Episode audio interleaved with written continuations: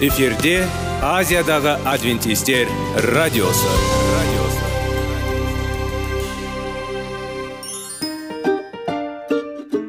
Сәлем достар. Денсаулық өмір бұлағы және біздің бірінші байлығымыз демекші денсаулық сағаты рубрикасына қош келдіңіздер. Біздің рубрикада біз әртүрлі факторларменен мәліметтерменен кеңестерменен бөлісіп шын жүректен сіздердің дендеріңіз сау болғанын қалаймыз. Сол үшін біздің рубрикаға қош келдіңіздер. Дайындалып тұрыңыздар. Өйткені келесі минуттарда қызықты фактілерге ие боласыздар. Енді достар ең бірінші байлығымызды қолымызға алып алға кеттік.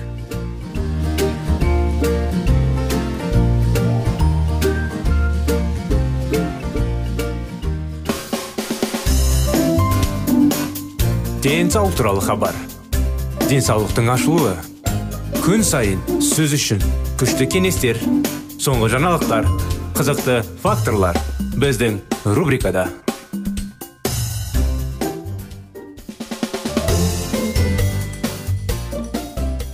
сәлеметсіздер ме армысыздар құрметті достар құрметті біздің радио тыңдаушыларымыз сіздермен бірге сіздердің назарларыңызға денсаулық сағат бағдарламасы денсаулық сағат бағдарламасында сіз мүмкін әрдайым біздің бағдарламада болған күйінде естіген шығарсыздар неше түрлі біз кеңестер аламыз фактілер мәліметтер көтереміз диалогтар жүргіземіз кей кезде мәліметтер оқимыз кеңестер оқып оларды аламыз әрине. Сондықтан құрметті достар жеміс жидектер жайлы көптеген олардың пайдалы олардың қандай бізге көмегі тиетін денсаулыққа ағзаға. Соның бәрі біздің бағдарламада өйткені денсаулықты дұрыс күту керек дұрыс қоректену керек. Соның бәрі не үшін? Өйткені денсаулық керемет болса әрине болашақта біз өзімізді әрдайым керемет сезініп жүреміз. Ешқашан кеш емес құрметті достар. Ой мен кәртейі болдым.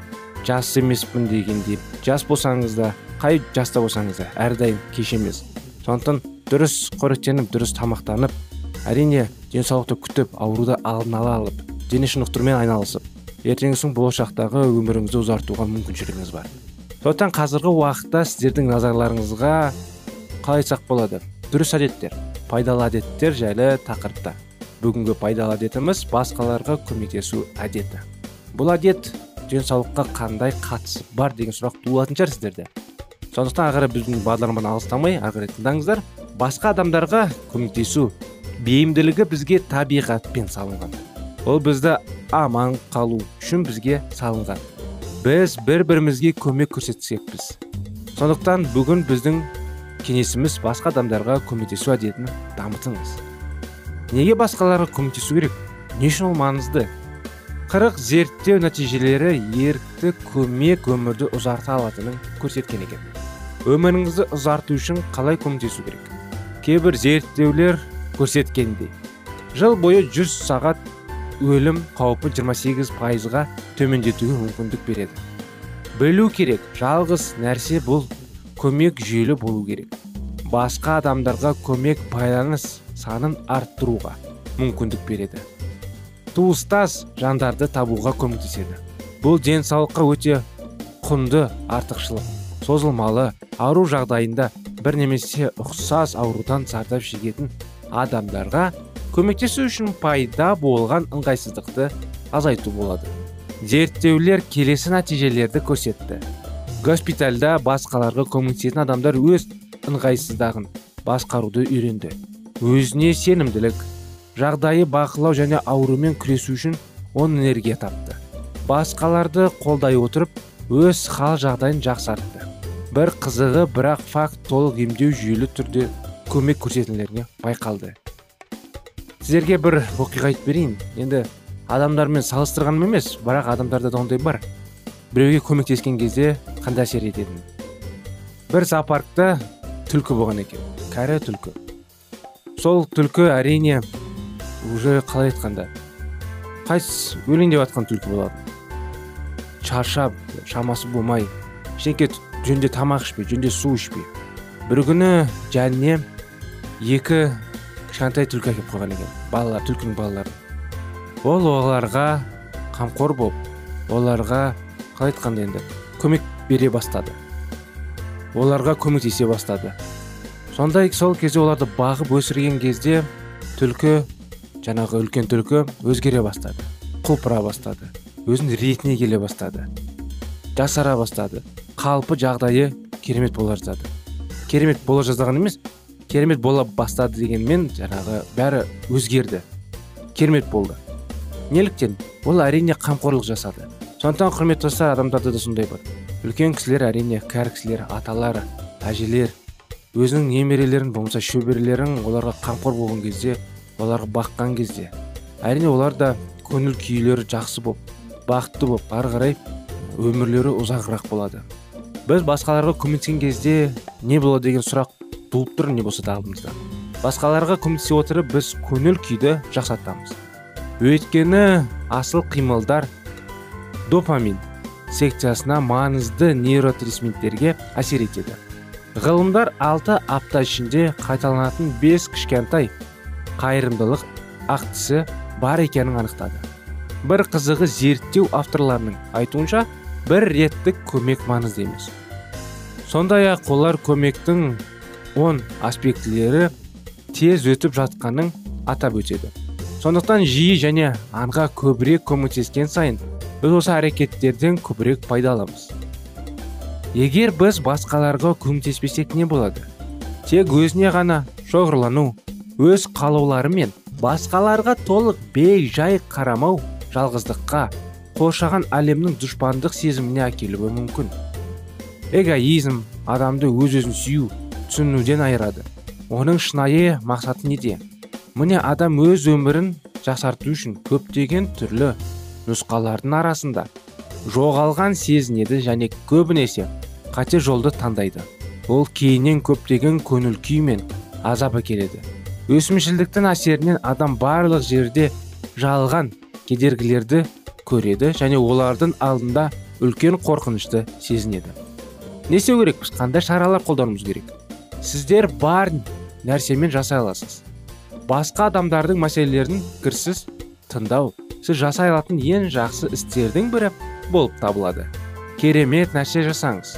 Жақсы және жақсы нәрсе күтпейді. Біреулердің құқықтары үшін күресіңіз.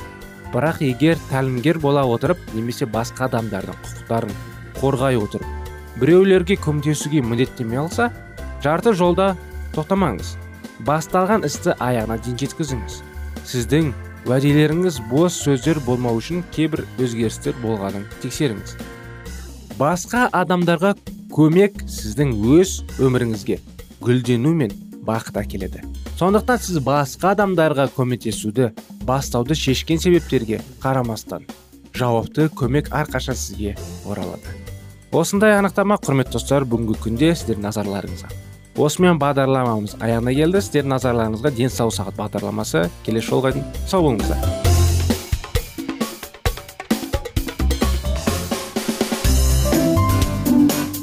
Денсаулық туралы хабар.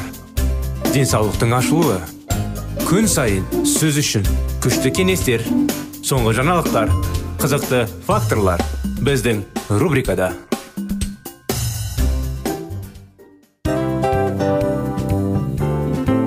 Әуелі байлық денсаулық екінші байлық он саулық үшінші байлық ақ жаулық. Ал енді осындай радио парақшадан кейін не дейміз? Барлықтарыңызға денсаулықтарыңыз зор болсын деп тілейміз. Денсаулықтың өзгеруі кішкентай нәрселерден басталады. Осымен біз берген кеңестер мен мәліметтер шын жүректен сіздер үшін қандай да бір болсын жәрдем берді деп үміттенеміз. Тыңдаушыларымызбен келесі радио парақшасына дейін қоштассамыз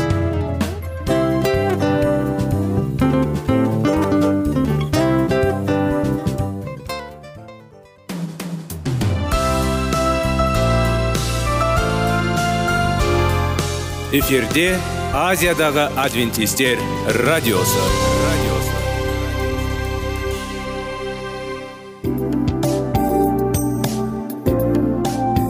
Сәлем достар. Барлықтарыңызға шын жүректен сөйлесек рубрикасына қош келдіңіздер деп айтпақшымыз. Шын жүректен сөйлесек бағдарламасы әртүрлі қызықты тақырыптарға арналған. Шындығында шын жүректен сөйлесек деген сөздің мағынасы екі достың екі адамның ортасындағы шын жүрекпен сөйлесуі бір біріне сенуі ашықтық пен шындықты білдіреді. Сол үшін біздің бағдарламалар әртүрлі қызықты тақырыптарға арналған. Дайындалыңыз жаңа қызықты мәліметтерге ие болуға. Ондай болса кеттік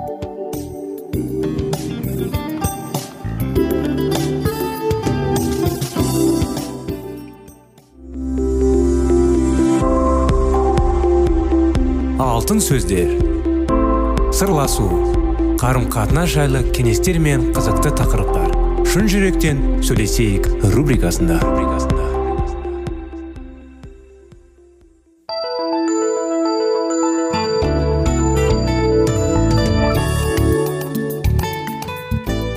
Сәлеметсіздер ме? армысыздар құрметті достар құрметті радио тыңдаушыларымыз сіздермен бірге шын жүректен сөйлесейік бағдарламасы. Біздің бағдарламада балаларды тәрбиелеу балалармен қарым қатынас жайлы шектеулер жайлы әрине қарапайым бақытты жанұя жайлы махаббат сүю қарым қатынас соның бәрі біздің бағдарламада. Сіздермен бірге шектеулер кітабын жалғастырудамыз. Апа менің шұлақтарым қайда деп сұрақ туып тұр. Мәңгі бала күйінде қалған адамның қаржылық жағынан тәуелсіз болуы мүмкін. Бірақ ол сонда да өз өмірін басқаруды ата анасынан қолына беріп қояды. Өспей қалған ересек адам көбіне ата анасымен бірге тұрады. Жазғы демалысқа олармен бірге барады. Керілген кірілген киімдерін ортақ кір жуатын машинаға салады. Әке шешесімен бірге тамақтанады. Болған жағдайлардың барлығын олармен бөліседі.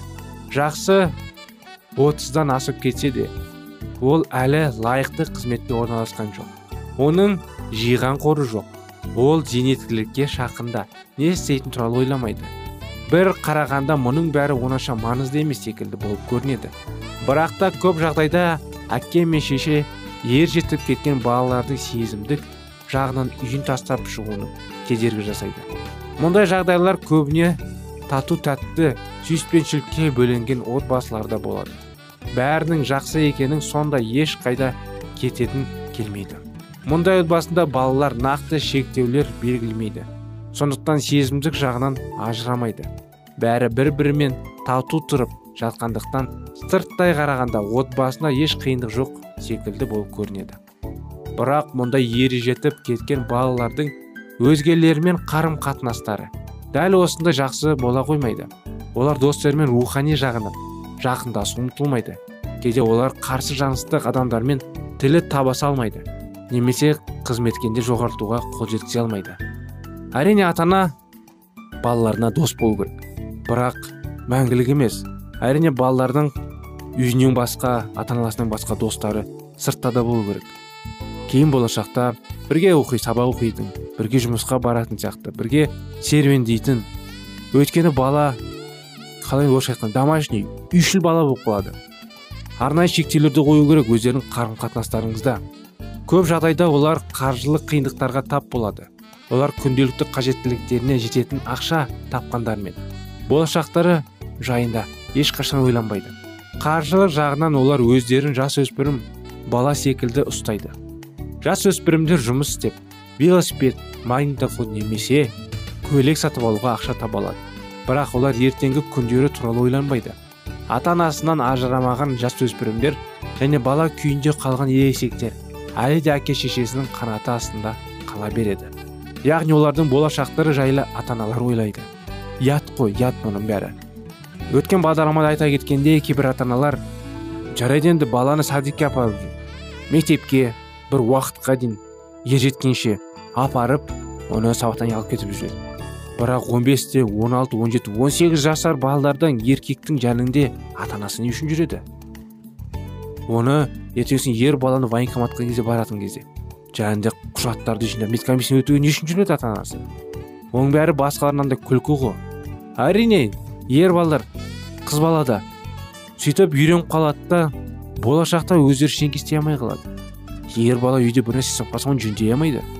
Кейін жанұя болған соң әйелі мынаны қағып берші ананы дұрыстап берші десе істей алмаймын десе масқара ұят болады ғой. Әрине әйелі оны жақсы көрген соң жарайды дейді. Енді сырттан бір бөтен еркекті шақырып сол сынған шкафтың есігін жөндеуге мәжбүр болады. Ә, оны бөтен еркек шақырады біріншіден. Екіншіден оған қаражат төлейді. Соның бәрі болашақты ойлау керек құрметті достар. Бүгінгі күнде емес иә ата аналар сіздер балдарды сүйесіздер. Бірақ арнайы шектеулер қою керек қарым қатынастарыңызда үшеу бұл тым көп. Шекаралары қалыптаспаған отбасыларға қиындықты тағы бір түр тән. Оларда өзіндік бір үшбұрыш пайда болады. Жағдай шамамен былайша өрбиді. А ға ашуланады бірақ а ға бұл туралы айтпайды. Мұның орнына ол әлі шақырып оған бірінің үстінен шағым айтады. Әге аның өзіне сенім артып сырын айтқаны ұнайды. Ол аны үнемі мұқият тыңдайды. Ал бұл кезде б жалғыздықтың азабын сезіне бастайды. Ол әмен кездесіп әңгіме арасында амен болған кекілдік туралы айтады. Нәтижесінде ә аның да б бұның да сенімді өкіліне айналады. А мен б арасындағы кикілжіңді шешкен жоқ. Ал ә екі дос тапты. Мұндай үшбұрыш екі адам аралығындағы жанжалды шеше алмай үшінші адамның көмегіне жүгінен кезде пайда болады. Және олардың әрқайсысы оны өз жақтарына тартуға талпынады. Үшінші адамның жанжалға еш қатысы болмағандықтан қиындық айқын көрініп тұр. Өз бағаларын көтеріп жұбанышқа ие болу үшін олар оны жай ғана пайдаланады. Жанжал шешілмеген күйінде. Қалада адамдар өзгелермейді тек олар жоқ жерден өздерінен жаңа дұшпанды табады. Мұндай үшбұрышында не болады? Адамдар жек көрушіліктерін әдемі сөздермен бүркеліп жалған сөйлейді. А мен б әдетте бір бірімен жылы сөйлейді тіпті бір бірлеріне мақтаулар айтады. Ал бірақ а әмен сөйлескен кезде бұл туралы не ойлайтынын бәрін ашық айтады. Бұл жерде шекаралардың шектелмегендігі көзге ұрып тұр. А өзінің ашуына ие бола алмайды. А ашуланып жүрген адамнан оның өзі туралы не айтқысы келетінін естуге құқығы бар. Джонның сен туралы не айтқанын білесің бе? деген секілді сөздерді естігенде қандай ашуланған болар едіңіз? Себебі сіз джонмен соңғы рет кездескенде бір тамаша болып көрінген еді. Әрине көптеген осындай оқиғалар осындай кеңестер осындай керемет әдебиетті анықтамалар құрметті достар. Қарапайым біздің өмірде кездесетін соның бәрін дұрыстауға дұрыс керемет өмір сүріп дұрыс тәрбие алып дұрыс қарапайым өмір сүруге мүмкіншілік бар. Осымен бағдарламамыз аяғына келді. Сіздерді қуана келесі бағдарламаға шақырамыз. Келесі жолға дейін сау сәлемет болыңыздар.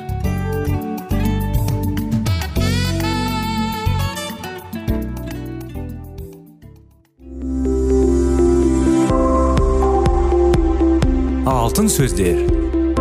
Сырласу. Қарым қатынас жайлы кеңестер мен қызықты тақырыптар. Шын жүректен сөйлесейік рубрикасында.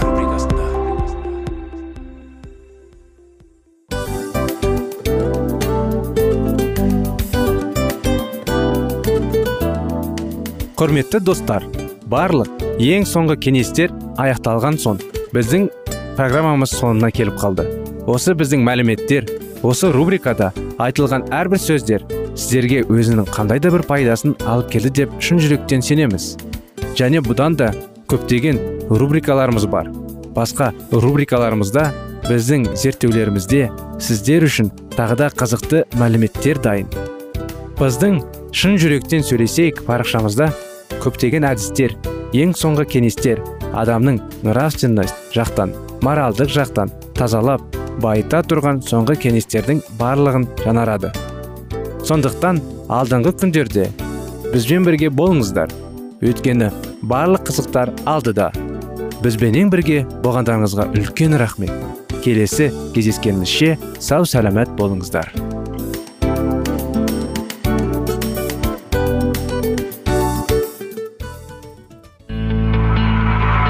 Жан дүниеңді байытқан жүрегіңді жаңғыртқан өмірдің мағынасын ойландырған рухани жаңғыру. Рубрикасы.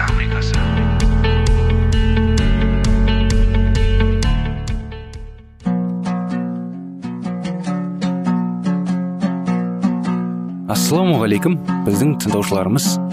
Келі кітаптың шындығын ашып берген қысқа бағдарламасына қош келдіңіздер. Барлығынан жоғары жаратушы біздің қарыңғылықта жалғыз қалдырып қойған емес. Өйткені ол келешекте не болу керек екенін кітаптың парақтарында ашып береді. Немесе келіңіздер бізге қосылыңыздар. Жаратушы бізге нен ашып бергенін зерттейміз. Сәлеметсіздер ме? Армысыздар біздің құрметті тыңдаушыларымыз. Біздің достарымыз әрине бүгін біздің бағдарламамызда жаңадан біздің бағдарламаны естіп жатқан қосылып жатқан тыңдаушыларымыз болса сіздерге де сәлем жолдаймыз. Біздің бағдарламадан басқа бағдарламамызға көшіп кетпеңізді өтініш сұраймыз. Бізбен болып тұрыңыздар. Әрине біздің рухани бағдарламасына әрқайсыларыңызға қош келдіңіздер деп айтқымыз келеді. Рухани жаңғыру бағдарламасында біз әрдайым көптеген қызықты рухани тақырыптарды зерттейміз талдаймыз диалогтар жүргіземіз кітаптар оқимыз әрине кеңестер аламыз. Адам мен құдайдың қарым қатынасы жайлы кешірім жайлы. Енді тақырыптар көп қой. Бағдарламамыз бір. Сондықтан рухани жаңғыру бағдарламасында бүгінгі қазір біз соңғы кездері талдап оқып жүрген бірге кітабымыз жаратушыға апарар жол жайлы. Өткен жолы біз иса мәсіх бізді сүйетінін жайлы айттық. Ол мен бір, біз бірге тығыз байланыста болу жайлы айтқан едік. Және де оның атынан оны құдай әкемізден не сұрасақ та әрине болуға тырысады екен. Сондықтан жалғасында былай дейді. Өзінің әкесімен бірге болғанда иса біздің өзімізге бірге болуымыз үшін сиынды бұл қандай ұлы одақ денесіңше құтқарушы өзі туралы былай деді. Рухани ұлы өздігінен еш нәрсе жасай алмайды. Менімен тығыз байланыстағы әкем өзінің істерін мен арқылы істер жатыр. Егер иса мәсіх біздің жүрегіміздегі енген болса онда ол өзінің рақым ету бойынша өзінің еркімен біздің жан дүниемізде ұмтылыстар мен іс әрекеттер жүргізеді. Біз ол еңбек еткенде еңбек етеміз. Біздің бойымызда сол рух бойы көрсетеді. Оның мейіріміне берілгеннен біз барлық жағынан соған негізінен басшы мәсікке ұқсауға ұмытыламыз ефестерге арналған хаттың төртінші тарауының он бесінші аятында. Мінекей кітабымыздың бір бөлігіндегі тақырыбын аяқтап кішігірім тақырыбын жалғастырып жатыр.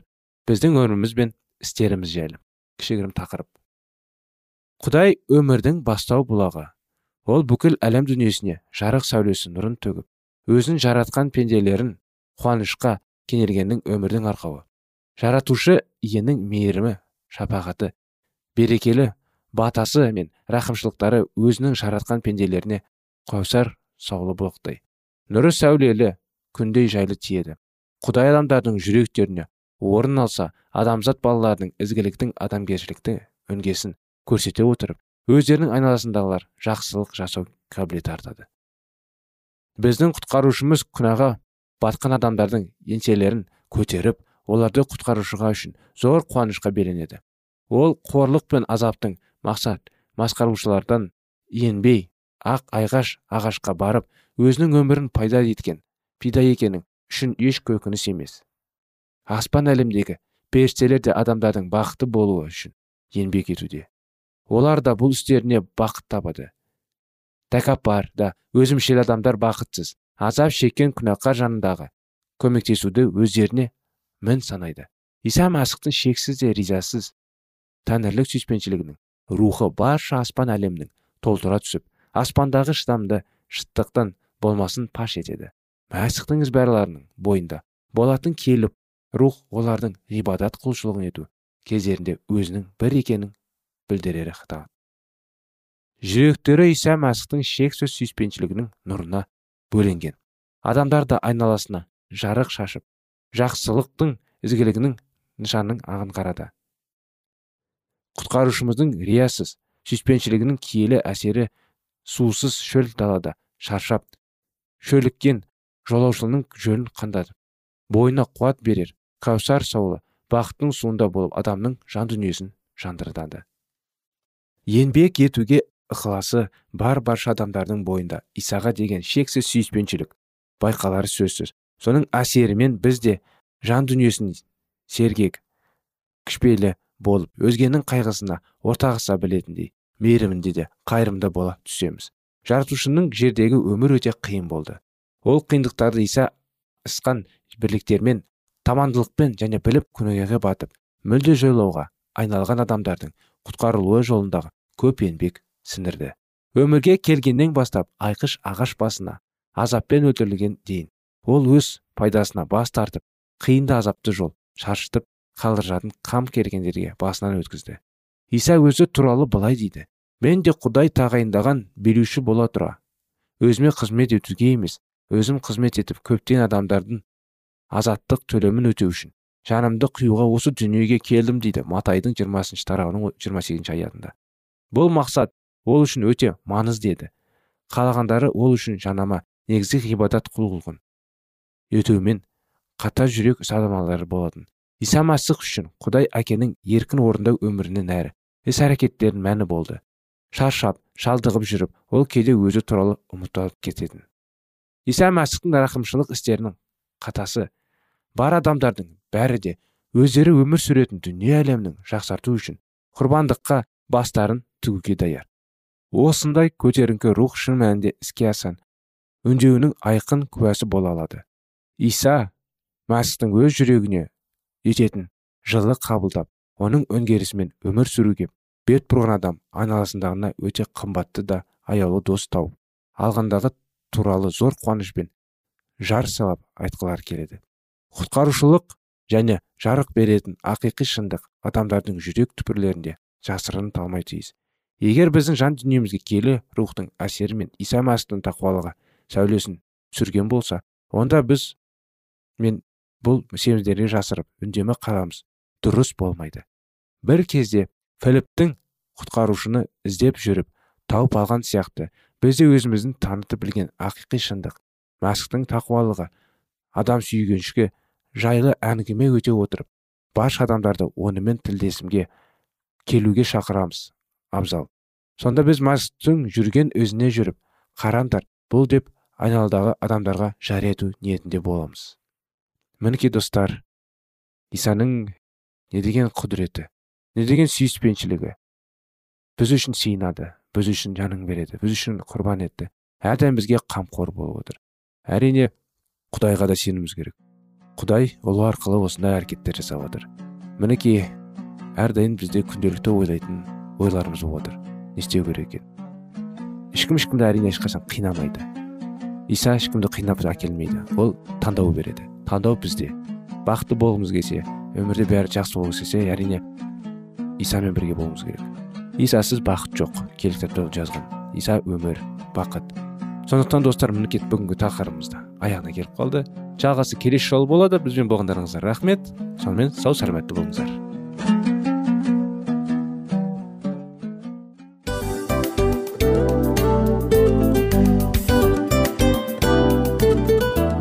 Достар біздің радио парақшамыз өзінің соңына келіп те қалды.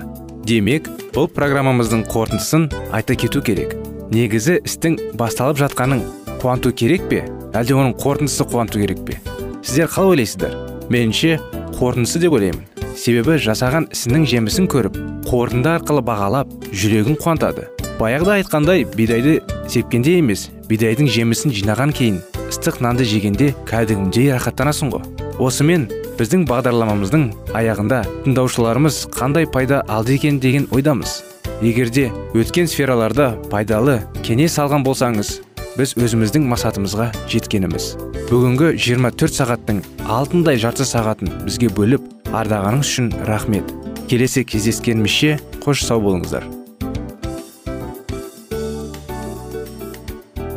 Достар біздің бағдарлама бойынша сұрақтарыңыз болса әрине сіздерге керекті анықтама керек болса біздің whatsapp нөмірімізге хабарлассаңыздар болады. Плюс бір үш жүз бір жеті жүз алпыс алпыс жетпіс. Иә достар сіздер қателеспедіңіздер бұл біздің номерлерге ұқсас болмаса да бұл whatsapp номер арнайы. Хабарласыңыздар сұрақтарыңызды қойып тұрыңыздар. Анықтаманы алып тұрыңыздар. Плюс бір үш жүз бір жеті жүз алпыс алпыс жетпіс whatsapp номері